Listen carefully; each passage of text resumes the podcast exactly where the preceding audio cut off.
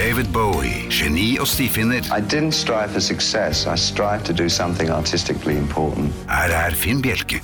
Det er sikkert mange av oss som ikke kjøpte LP-en Space Oddity da den kom ut. Men efter det definitive gjennombruddet med Siggy Stardust, var det nesten like mange av oss som tok igjen det forsømte. Space Oddity viser fragmenter av hvor det skulle bære hen, og selv om LP-en er litt ujevn, er det nok av perler å plukke.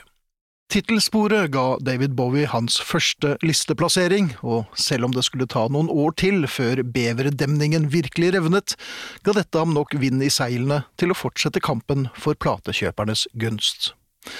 Det er hippie-tendenser her, som den lange og lett psykedeliske Memory of a Free Festival, hvor det nok er en fordel å ha rullet en rev før avspilling, og den majestetiske Wild-Eyed Boy from Freecloud og Unwashed and Somewhat Slightly Dazed, og ikke minst Signet Committee, som peker mot den hardere oppfølger-LP-en The Man Who Sold The World.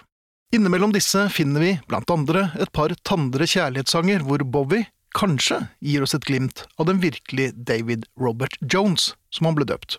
Først og fremst i sangen Letter to Hermione, Davids tidligere kjæreste, men også i den noe mer abstrakte sangen til samme pike og dagens utvalgte, nemlig den fine balladen An Occasional Dream.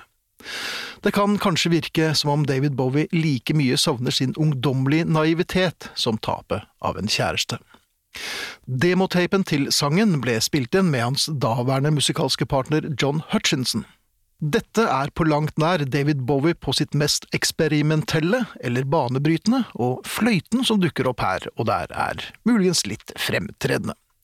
Men hvis man ser bort fra arrangementet og den litt tøysete, hviskende bakgrunnsvokalen, er An Occasional Dream et sart innblikk i Bowies unge, men likevel ikke fullt så unge sinn. LP-en Space Oddity er den virkelige starten på en diskografi som verden, verken før eller senere, ja, The Beatles gjelder som vanlig ikke, har hørt maken til.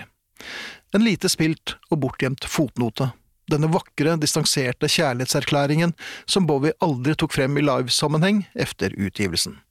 Men her, på Radio Vinyl, minnes vi An Occasional Dream med glede og litt melankoli.